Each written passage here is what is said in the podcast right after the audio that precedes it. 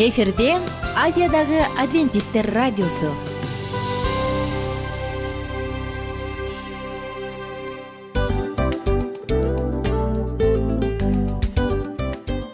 Достор салют. Баардык сүйүктүү угармандарыбызга салам айтабыз. Кутман күнүңүздөр менен. Ден соолук өмүрдүн булагы демекчи саламат саамы программасында баарыңыздарды көргөнүбүзгө абдан кубанычтабыз. Анда алгач амандашып өтөлү арбаңыздар деп. Ден соолугуңуздар кандай элибизде көбүнчө ден соолук кандай дегенде эле жакшы деп жооп беребиз э ооруп турсак дагы жакшы дейбиз. Анан мен муну айтып ойлойт элем бул абдан сонун сөз депчи анткени бул жакшы деген үмүт да э ооба баары жакшы болот. Баары сонун. Деп үмүттөнүп атып эле өзүбүздү өзүбүз дарылап коебуз. Анысы кандай? Сиздин дагы ден соолугуңуз жакшы беш деген үмүттөбүз чындыгында ден соолук бул өмүрдүн булагы деп бекеринен айтылган эмес деп ойлойм. Кыргыз элинде анткени эгерде ден соолук жок болсо анда адамдын жашоосунда калган баардык керектүү маңыздуу нерселер өзүнүн баалуулугун жоготуп коет. Ошондуктан ден соолук бул эң керектүү нерсе. Ооба туура айтасың кесиптешим. Чынында ден соолугуң жок бир эки үч күн ооруп калсаң эле э кандай болуп калат? Жашоодо көз каранды болуп каласың көп нерсеге жетишпей каласың көп нерсени кыла албай каласың жада калса эшикке дүкөнгө да чыга албай каласың. Туптуура анан ден соолук болсо демек биз биздин бактыбыз тотой деп койсок болот. Анда достор саламат саамы рубрикабызды баштайлы. Алдыда өзүңүзгө керектүү болгон сонун кеңештерди уга аласыздар. Мына ошондуктан биз менен бирге болуңуздар. Ал эми биз болсо милан жана айнура. Кеттик алга. Алга саламат саама ден соолуктун жарчысы. Саламат саама ден соолуктун ачкычы. Күн сайын сиз үчүн мыкты кеңештер сонун жаңылыктар кызыктуу фактылар. Биздин рубрикада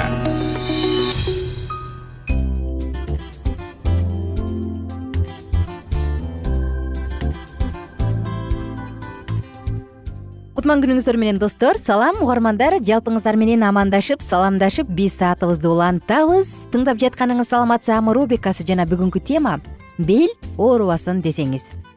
Достор эртең менен көзүңүз ачылып тураар менен бир аз керилип чоюласызбы элестетип көрүңүз күнүгө эртең менен денеңизди керип чоюу менен сиз жашооңузду бир нече жылга узарта алат экенсиз. Кызык бекен ооба чындыгында таң калыштуу бул адамдын омурткасы организмдин стержени эмеспи анын жардамы менен тең салмактуулукту кармайбыз басабыз ары бери бурулабыз секиребиз. Айтор толтура иш аракеттерди жасайбыз. Адам туруп турган кезде анын арка белине жүз килограмм күч келет экен жүз килограммдык. Ал эми бир аз эле эңкейгенде эңкейип бир аз эле ылдыйлаганда ал нагрузка эки эсе жогорулайт. Элестетип көрүңүз демек бекеринен жер жүзүнүн сексен пайызынын сексен пайызы бел оорусунан жабыркап келишпегендир. Эми достор бел дегенде эле көпчүлүк адамдар кечке отуруп иштегендер же кечке кара жумуш менен иштегендерди айтышат эмеспи? Мына силердин белиңер ооруйт деп бирок алардан тышкары косметологдор маникюр мастерлери архитектор айдоочулар инженер тигүүчүлөр мына булар дагы бел оорусунан жабыркаган адамдар. Албетте бул профессиялардын тизмеси толук эмес. Мунун ары жагына дагы уланта берсек болот. Менин да белим ооруйт мен бул кесиптин адисимин деп жазып койсоңуз дагы болот. Эмесе достор биз адамдар негизи башынан эле кыймылдап туруучу жан катары жаралганбыз да. Мына ошондуктан отуз жаштан ашаар менен сиз мындай бүкүрөйгөн абышкага айлангыңыз келбесе анда бала чактан эле анын саламаттыгына кам көрүңүз. Эң эле биринчиси бул көбүрөөк кыймылдаңыз.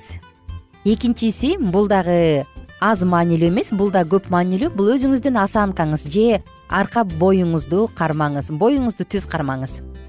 Ал үчүн э, ийиндерди түздөп белди түздөп анан алдыны көздөй бир аз башты жогору көтөрүп өйдө жакты караш керек.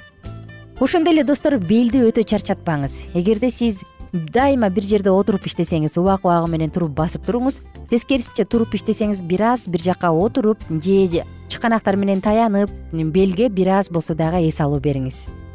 Анан жыйырма беш килограммдан ашкан салмакты эч качан көтөрбөңүз бул дагы белиңиздин саламаттыгына доо келтириши мүмкүн.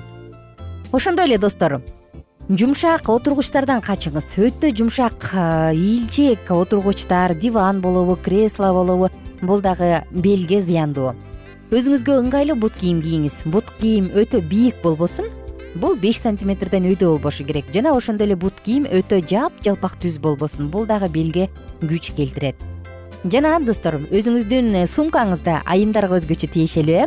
Жакшылап ревизия жүргүзүңүз. Бүгүнкү гана күнгө керектүү болгон оокаттарды калтырыңыз. Калгандарын ашыкча салмак сизге кошо турган болсо үйгө таштап коюңуз. Анан сөзсүз түрдө эң күнүмдүк жашоодо рюкзак ыңгайлуу. Анткени эки ийинге тең аны бирдей тагынып алсак анан кийин рюкзак ылдый жакта шалпактап белде жүрбөстөн биздин иин далдарыбызга туура тие турган болсо бул туура салмакты бөлүштүрүү болуп саналгандыктан биздин белибизге зыянын тийгизбейт. Дагы бир моданын бирден бир курмандыгы болгон бул татынакай жарашыктуу бирок ыңгайсыз кийим. Юбка карандаш ылдый жагы ичкерип кеткен көйнөктөр скини джинсы шымдар мырзалар да кийип калды азыркы күндө э? Булардын баардыгы тең. Биздин кыймылдаганыбыздын эркин же болбосо кенен кыймылдаганга жол бербейт жана кан айланууну бузат. Булардын баардыгы тең албетте белдин оорусуна алып келет. Жана достор семирүүдөн май басуудан качыңыз. Өзгөчө курсак тарапта улам ашык салмак пайда болгон сайын биздин белибиздин ооруганы ошончолук көбөйөт. Таң калыштуу угулушу мүмкүн бирок ич катуудан баягы дааратканага чоң бара албай калат эмеспи э ич катып. Ушундай ич катуудан качыңыз. Бул дагы арка белдин же болбосо омурткалардын ортосундагы дисктерде грыжанын пайда болушун алып келет жана радикулит оорусуна чалдыктырат сууга сүзүңүз. Колуңуздан келсе сууга сүзүңүз бул эң сонун көнүгүү бул учурда баардык белдин арка белдин булчуңдары бошоңдойт. Ошол эле учурда кайра бекемдейт жөн гана сууга сүзгөндү билбесеңиз жатып алып колу бутуңуз менен кыймылдатыңыз. Жетиштүү түрдө эс алыңыз дейбиз кийинки кеңеш. Суткасына жети сегиз сааттан кем эмес убакыт уктаңыз. Белиңиз жакшы түз жатып уктасын жана ошондой эле арка белиңизди боюңузду түз кармаңыз. Түп түз кармап боюңузду түз жүрө турган болсоңуз мейли сиз тамактанып атасызбы жумуштасызбы кайсы гана учур болбоңуз бул биомеханика кыла турган болсоңуз биомеханикасын буза турган болсоңуз арка белдин бул дагы кыйынчылыктарга алып келет анан албетте бел ооруй баштайт. Күнүмдүк көнүгүүлөр катары профилактика катары сиз эки ойдо турары менен ойгонору менен эки колуңузду өйдө көтөрүп арт жакка кылыңыз дагы бүт денеңиз менен жогору тартылыңыз. Жогору мынтип керилип чоюлуңуз. Ошондой эле бир нерсеге таянып алып туруп бутуңуз тарапты көздөй тартылыңыз. Бул дагы сизге жардам берет. Ушул сыяктуу көнүгүүлөр көп. Интернет булактарынан карасаңыз болот биздин башка уктурууларыбызды уксаңыз болот. Мына бул тарапта биз дагы сөз көп айтып бергенбиз. Достор эгер кечке отуруп иштесеңиз сөзсүз убак убагы менен туруп туруңуз. Туруп иштесеңиз убак убагы менен отуруп туруңуз мунун баардыгынан эң эле маанилүүсү сиздин белиңиз катуу чарчабашы керек. Анткени жогоруда айттык э бел бир аз ийилген кезде ага эки жүз килограммдай күч салмак келет деп. Эгер сиз унаа айдасаңыз анда атайын белиңиз үчүн массаж жасай тургандай жаздык сатып алыңыз жана атайын массаж жасай турган чехол сатып алыңыз отургучтар үчүн.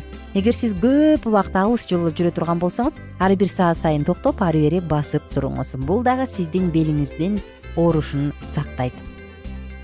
Эмне демекчибиз жылына жок дегенде он он беш процедура болсо дагы бир жылда жок дегенде бир жолу. Эгер мүмкүн болсо бир жылда эки жолу профилактикалык массаж алып коюп туруңуз бул сиздин белиңиздин абалын жакшы сактаганга жардам берет.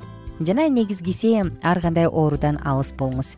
Өзүңүздүн саламаттыгыңызга кам көрүңүз а биз болсо сизге кааларыбыз түз өзүн бойду түз кармаган жакшынакай дене жана келбеттүү дене жана эң биринчи кезекте саламаттык кайрадан амандашканча сак саламатта туруңуздар. Күнүңүздөр көңүлдүү улансын.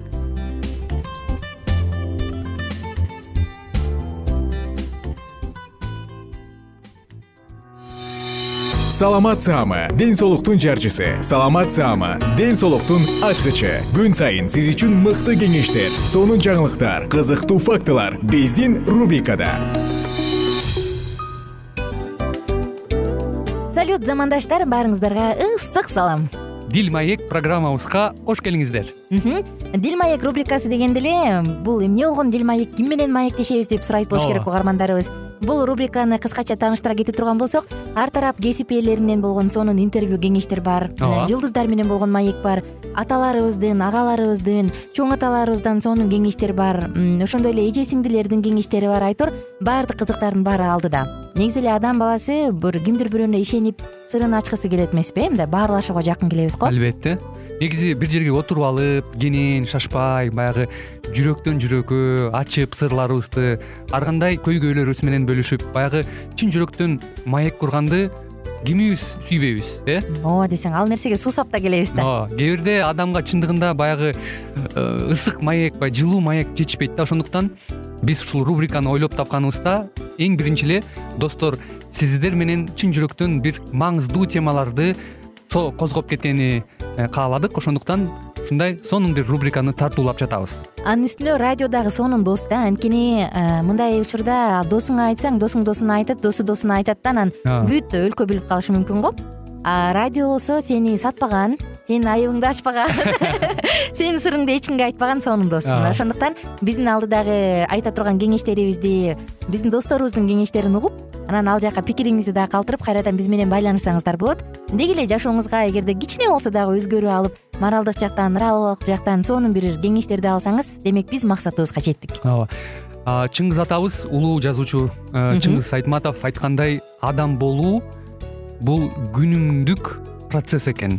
Күн сайын адам бойдон калуу бул адамзатка эң эле кыйын дейт э? э эң кыйын дейт. Чындыгында бунун э, негизинде адамдын эң баягы сапаттуулугу адамдын э, адамгерчилиги жана көптөгөн керектүү нерселер. Мына ошол темалар дагы бизде ушул дил маекте биз аларды да козгойбуз.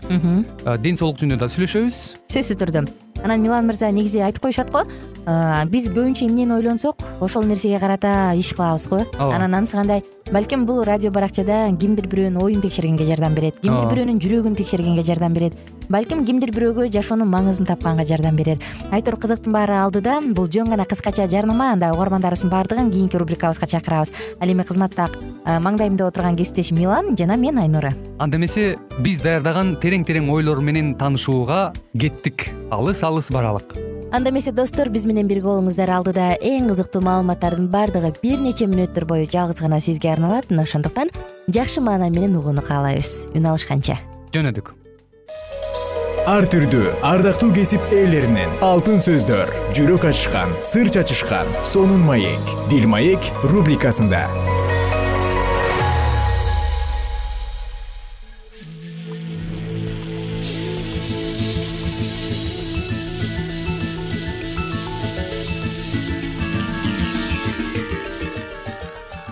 амансызбы сүйүктүү радио угарманыбыз? Кайрадан эле сиздер менен биргеликте бактылуу никенин баалуу эрежелери аттуу берүүбүздү баштайбыз. Бүгүнкү программабыздын чыгарылышында кымбаттуу радио угармандар негизи эле жашоодо ар бир эле адам таарынышкан учурлар болот эмеспи андыктан ушул туурасында дагы бүгүнкү программада сөз кылалы деп турабыз. Негизинен эле таарынышкан адамдар кайрадан элдешүү үчүн э, кандай ыкмаларды жашоодо колдонушубуз керек? Же болбосо аларды кантип достоштурууга аракет кылсак болот? Ушул туурасында бүгүнкү программада сөз кылабыз. Ал эми сиздер болсо биздин ободон алыстабай дал ушул мүнөттөрдө биз менен биргеликте болуңуз. Эгерде сиздин жашооңузда дагы ушундай кыйынчылык болуп турган болсо анда бул дагы сиз үчүн эң жакшы бир э, натыйжасын берет деген тилек менен э, уктуруубузду баштайбыз. Кызматыңыздарда кайрадан эле мен улан кубанычбеков жана ошондой эле бүгүнкү э, программабыздын чыгарылышында студиябызда конокто абылгазиев улан абылгазиевич мырза биз менен биргеликте бүгүнкү суроолорубузга жооп берип өтмөкчү. Анда эмесе урматтуу улан мырза студиябызга кош келипсиз э, саламатсызбы деп сиз менен амандашып алалы дагы. Э, алгачкы эле сизге карата э, ыйгара турчу суроом таарынышкан адамдар деги эле жашоодо кайрадан элдешиш үчүн аларды достук мамилеге алып келиш үчүн биз кандай кадамдарга барышыбыз керек? Сиз кандай деп ойлойсуз? Жакшы болот чоң рахмат чакырганыңарга бул өзү негизи аябай жакшы тема экен бул дагы бүгүнкү күндөгү өтө маанилүү көйгөйлөрдүн бири деп айтсам болот. Таарынышкан адам кайра элдешиш үчүн эмне кылыш керек деген аябай жакшы суроо экен. Бирок бул таарынышкан адам деп туруп эле баштап койсок анда биз ушундай эмени түшүнүп калабыз да. Эки адам урушуп кетти.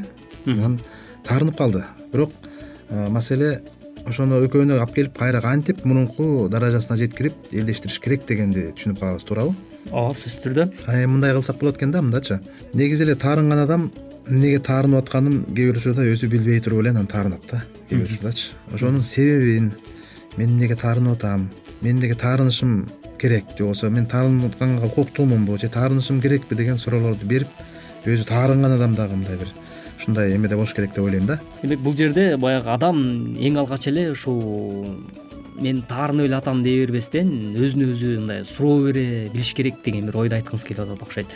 Э, чындап эле ар бир адам баягы эмне себептен таарынып жатам же болбосо мага эмне болду деп алдын ала баягы орусча айтканда анализ жүргүзүп алып анан иш кылган абдан маанилүү болот турбайбы? Ооба туура туура. Негизи эле биздин жашообузда дагы таарынышкан учурлар болгон кездешкен келинчегим экөөбүз таарынышып э, кайра э, элдешип э, ошондой эле балдарыбыз дагы бири бирибизге бири бирибиз таарынып анан кайра элдешкен учурлар болот. Анан бул эми таарынышкан адамдардын катарына кирип калабыз да. Биз дагы кээ бир учурдачы. Анткени биз жашообузда мындай бир кыйынчылыктардан өтүү менен сыноодон өтүү менен ар кандай бир иш аракеттерге байланышып же бир кандайдыр бир таасирлүү бир туура эмес нерселерге учурашыбыз мүмкүн кыйынчылыктарга учурашыбыз мүмкүн. Бирок ошол эле учурда ошол учурда чогуу бир ойдо болбой же болбосо бир кандайдыр бир ушак айынга ишенип же бир кандайдыр бир немелерге ишенип анан бир таарынышып кеткен учурлар да кездешет кездешпей койбойт да адамдар арасындачы. Анан биз баягы негизи эле биздин жашообузда өзүмдүн жашоомду айткым келет. Бул өтө өзүң басып өткөн жашоо таасирдүүрөөк болот болуш керек деп ойлойм. Биз таарынышып кеткен учурда бул түшүнбөстүктөн эле келип эле бир кандайдыр бир неменен таарынышабыз да жашоодочу келинчегим экөөбүз делечи. Кандайдыр бир баягы жашоодо түшүнбөстүктүн айынан кээде биз айтып коебуз го баягы бир болор болбос нерседен эле бир уруш чыгып кетти же ушунун айынан эле биз э, бири бирибизден көңүлүбүз калды деп дагы айрым бир адамдар айтып калышат да. Демек бул жаатта ушул болор болбос нерседен эле э, кээде бир ушундай пикир келишпестиктер таарынышуулар келип чыгат эмеспи ооба туура айтасың ошондой болор болбос немеден эле түшүнбөстүктөн эле бир таарынышып эле анан бир мамилени бузуп койгон бул өтө туура эмес нерсе экен. Анткени бул качан сен таарынышып э, ортодо мамилең бузулгандан кийин мурдагы калыпта болбой ортодо гармония жоголот сүйүү жоголот анан сен таарынып эле кечирбей эле кечке эле бир күн эки күн үч күн төрт күн беш күн ушу бир жумалап таарынып алган учурлар да болуп калса кездешип калса бул өзүңө эле туура эмес таасир тийгизет экен да. Бул ден соолугуңа дагы туура эмес таасир тийгизет. Анткени мамилең кеткенден кийин аны кечире албасаң же кечиргиң келбей жүрө берсең э, бул көкпеттик деп коет бизде кыргыздарда өтө жаман нерсе да. Ошон үчүн колдон келсе э, бул таарынгандан кийин эрте эле канча эрте эмне үчүн таарындык эмне үчүн ушуга ушундай болду деп туруп эле э, чечим чыгарып келип эле сразу эле кечирчү жерден кечирип ушинтип бир ал адамдын алдында ылдый болуп коюш бул бизге баягы текебердик деп коебуз. Орусча айтканда гордость деп коет. Анан бул текеберчилик адамды жакшы нерсеге алып келбейт экен да. Жакшы нерсеге алып келбейт. Анткени текеберчилик бул өзүңдү аябай самооценканы көбөйтөт да. Мен деген мындаймын тигиге караганда мен кечирим тиги сурасын мен сурабайм.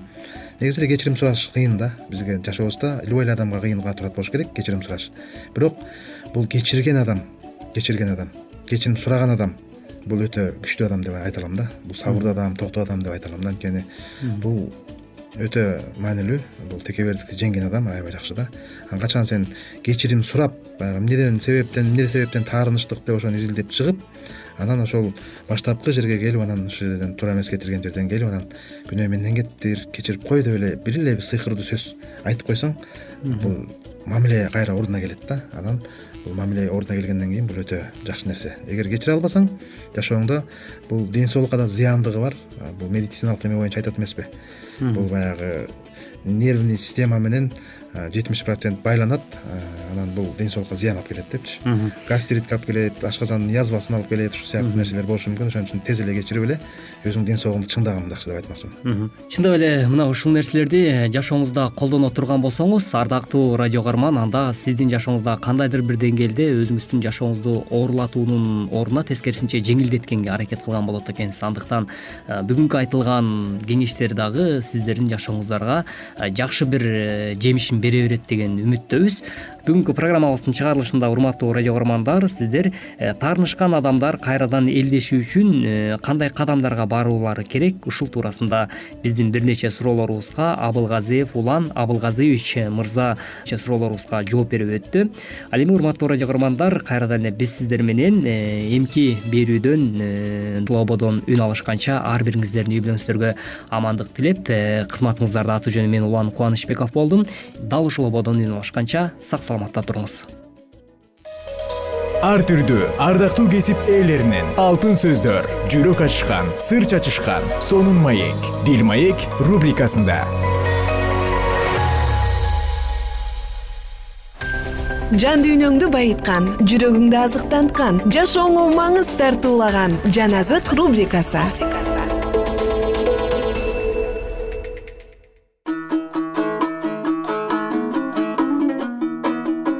кутмандуу күнүңүздөр менен биздин ак сакалдуу аталарыбыз ак элекчекчен апаларыбыз агаларыбыз эжелерибиз сиңдилер инилер жалпыңыздар менен амандашып жан азык рубрикасын баштадык.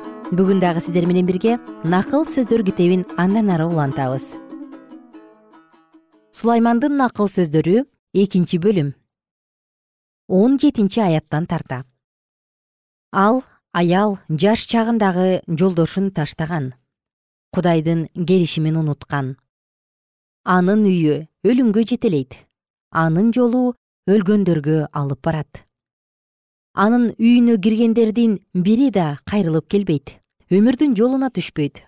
Андыктан ак ниеттүүлөрдүн жолу менен жүр. Адил адамдардын жолун жолдо. Анткени жерде адил адамдар жашашат. Жерде бузулбаган ак ниет адамдар өмүр сүрүшөт.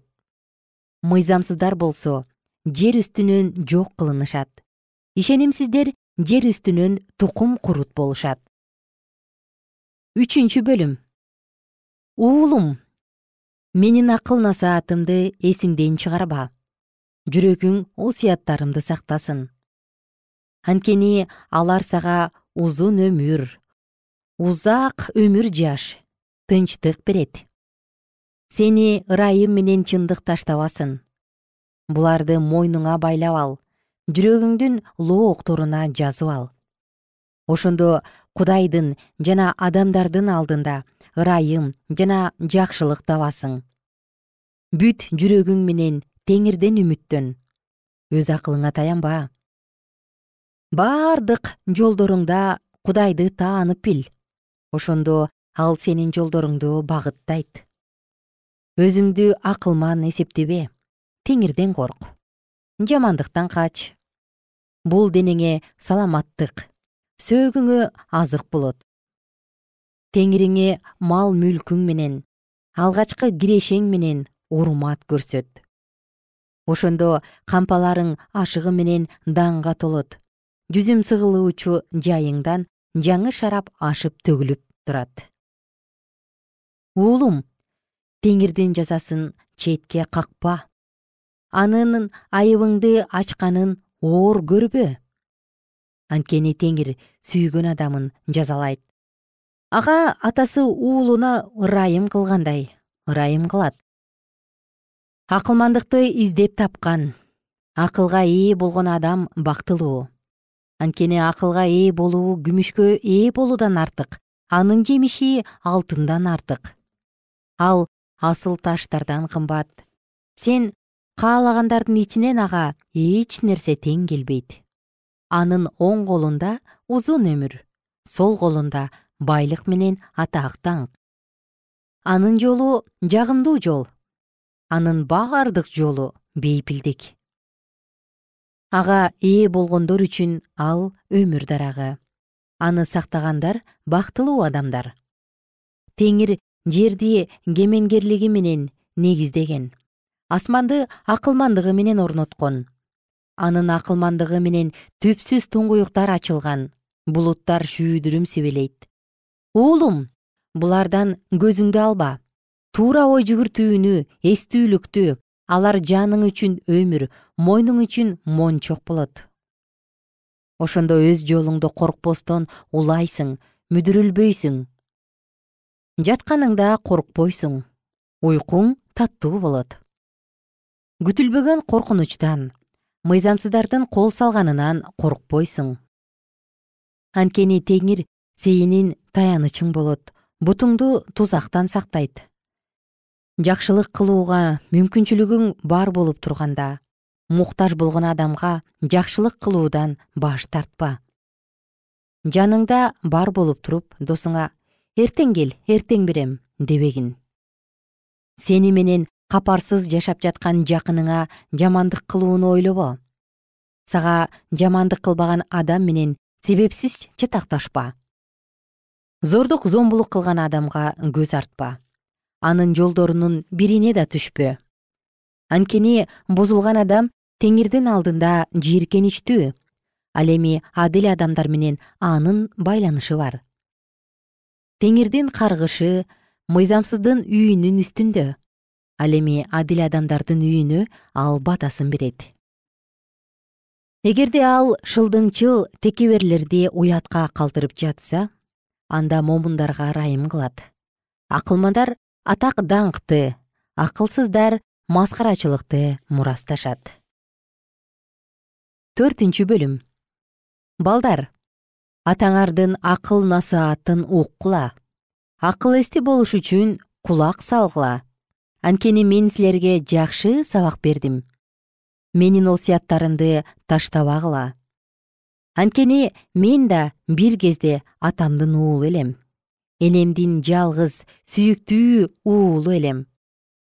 Ошондо атам мага акыл үйрөтүп жүрөгүңө менин сөздөрүмдү тутуп ал осуяттарымды сактап жаша деген даанышмандыкка ээ бол акылмандуулукка ээ бол. Муну эсиңден чыгарба менин айткандарымдан четтебе. Менин сөзүмдү таштаба ошондо ал сени сактап жүрөт. Аны сүй ошондо ал сени коргоп жүрөт. Эң негизгиси акылмандык.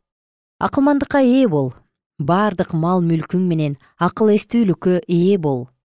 Аны бийик бааласаң ал сени бийиктикке көтөрөт эгерде ага жабышсаң ал сенин даңкыңды чыгарат.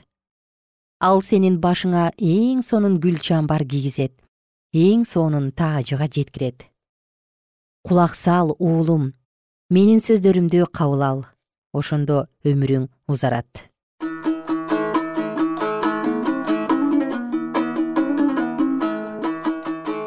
Кымбаттуу достор бүгүн сиздер менен сулайман пайгамбардын накыл сөздөрүнөн сонун сөздөрдү окуп өттүк чындыгында эгерде жүрөгүңүз таза болсо баскан жолуңуз таза болсо а бир сиздердин жолуна турбасаңыз анда демек сиздин келечегиңиз кең болот. Эң башкысы кудайдан корк деп коет эмеспи сонун сөздөр бул адамдын ыймандуу абийирдүү чоңоюшу үчүн эң маанилүү нерсе экен. Кааларыбыз баардык учурда теңирибиздин мээримдүү көз алдында болуңуз. Ал эми сиздер менен убактылуу коштошом жана кийинки уктуруулардан амандашканча сак саламатта туруңуздар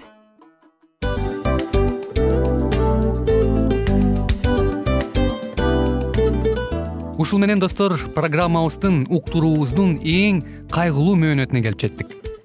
Кайгылуу дегенде ыйлагым келип кетти кесиптеш. Кадимкидей.